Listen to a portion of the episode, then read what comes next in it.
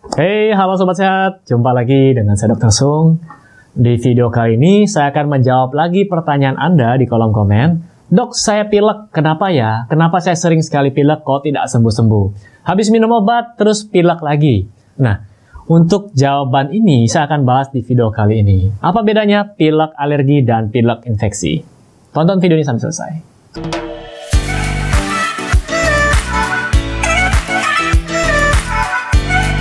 Sobat sehat, selama ini yang kita tahu, kalau kita terserang pilek atau ada yang bilang flu, ada yang bilang bersin-bersin, itu karena disebabkan oleh virus atau bakteri yang masuk ke tubuh kita. Akhirnya kita menjadi pilek. Ada juga yang menyebutnya dengan masuk angin mungkin, obatnya adalah dikerok. ya, jadi selama ini yang kita tahu adalah hal yang seperti itu. Namun pilek bukan cuma karena infeksi, tapi ada juga pilek yang disebabkan karena alergi. Mungkin ada yang bilang saya sudah ke dokter, habis minum obat, Kemudian tidak lama lagi, 3-4 hari kemudian saya muncul lagi pilek-pilek bersin-bersin.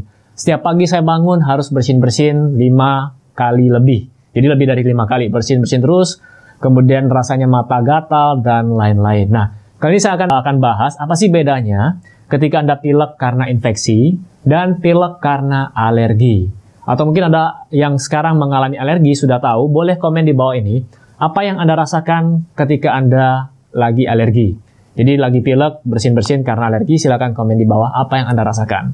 Oke, uh, kita mulai dulu dari pilek yang disebabkan karena infeksi. Nah, apa pun infeksinya mungkin karena virus atau bakteri. Biasanya kalau pilek yang seperti ini disertai dengan demam, ya. Walaupun tidak terlalu tinggi, mungkin sumber, nah, itu bisa.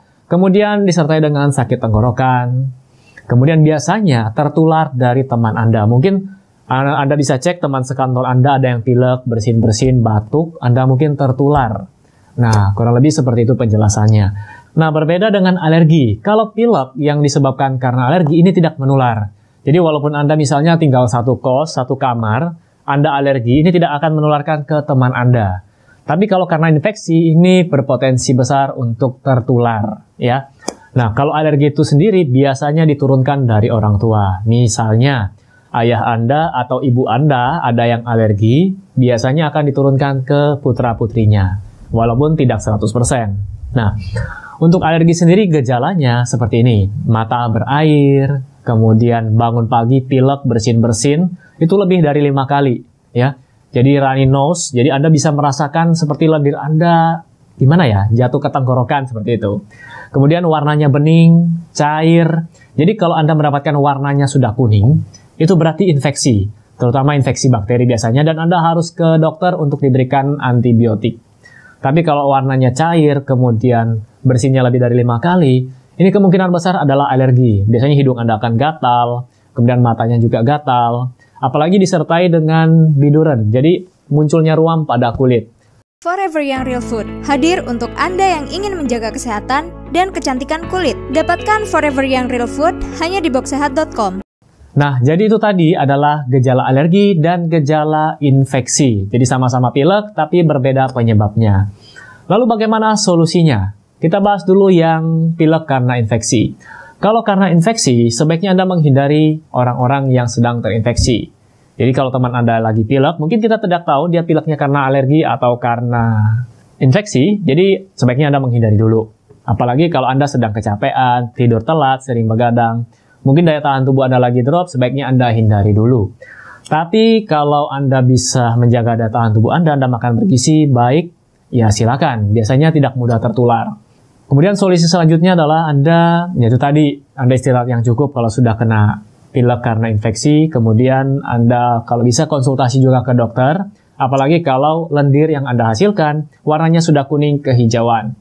Kemungkinan besar Anda terinfeksi oleh bakteri dan memerlukan antibiotik.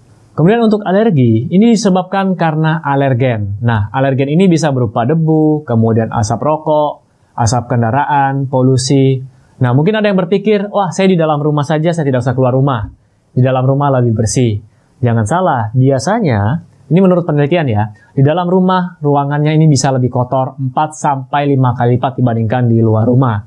Karena sirkulasinya mungkin jelek, tidak ada ventilasi, kemudian tidak ada masuk sinar matahari, spray Anda tidak pernah Anda ganti, gorden, karpet. Nah, kemudian mungkin akan banyak dust mite atau kita sebut dengan tungau. Jadi banyak mereka yang alergi debu adalah alergi dust mite-nya tadi, dust mite ya, alergi tungau.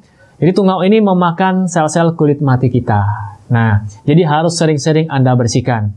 Kalau saran saya sih Anda ganti spray sering-sering ya. Mungkin seminggu sekali ganti gorden juga atau Anda vakum cleaner dan pada saat Anda membersihkan ruangan Anda sebaiknya gunakan masker. Atau kalau mau aman, ya Anda cari asisten rumah tangga yang bisa membantu Anda membersihkan. Sekarang banyak Anda bisa cari online, saya bukan promosi. Mungkin Anda bisa lakukan itu buat Anda yang alergi. Kemudian pada saat Anda sudah terserang alergi, biasanya apa yang Anda lakukan? Walaupun alergi ini dapat sembuh dengan sendirinya, jadi pada beberapa orang yang masih ringan, itu dapat sembuh dengan sendirinya tanpa harus minum obat. Jadi, Anda cukup mencari udara segar, Anda menghindari pajanan atau menghindari alergi tersebut, itu bisa sembuh dengan sendirinya. Tapi, kalau alergi Anda tidak sembuh-sembuh, Anda sebaiknya kunjungi dokter. Apalagi mereka yang sampai menderita asma. Jadi bukan cuma sekedar rinitis alergi, bukan cuma sekedar bersin-bersin, tapi sampai sesak nafas, itu disebut dengan asma, Anda harus kunjungi dokter. Nah, nanti dokter akan memberikan antihistamin atau steroid dan lain-lain. Konsultasikanlah diri Anda ke dokter. Oh ya, ada satu lagi yang perlu saya ingatkan buat Anda semua. Jadi selain kebersihan lingkungan Anda, uh, ruangan Anda ya, selain sofa, kursi, kipas angin juga perlu Anda perhatikan. Mungkin sudah dua tahun Anda pakai, tidak pernah Anda lap kipas anginnya. Kemudian AC, ya AC juga harus dicuci. Standarnya sih 3 sampai 4 bulan harus Anda cuci. Kalau tidak itu akan menjadi sumber penyakit. Jadi ada debu di sana, kemudian bakteri, virus, termasuk alergen. Dan selain itu Anda harus menjaga kebersihan tangan Anda. Jadi Anda harus cuci tangan untuk menghindari bakteri ataupun alergen. Nah, itu saja Sobat Sehat yang bisa saya berikan pada kesempatan kali ini. Semoga video ini dapat bermanfaat buat Anda semua. Dan saya doakan Anda semua tetap sehat. Seperti biasa, buat Anda yang sedang mencari produk-produk yang mendukung kehidupan sehat, silakan kunjungi boxsehat.com. Oke, sampai jumpa di video saya selanjutnya. Salam hebat luar biasa.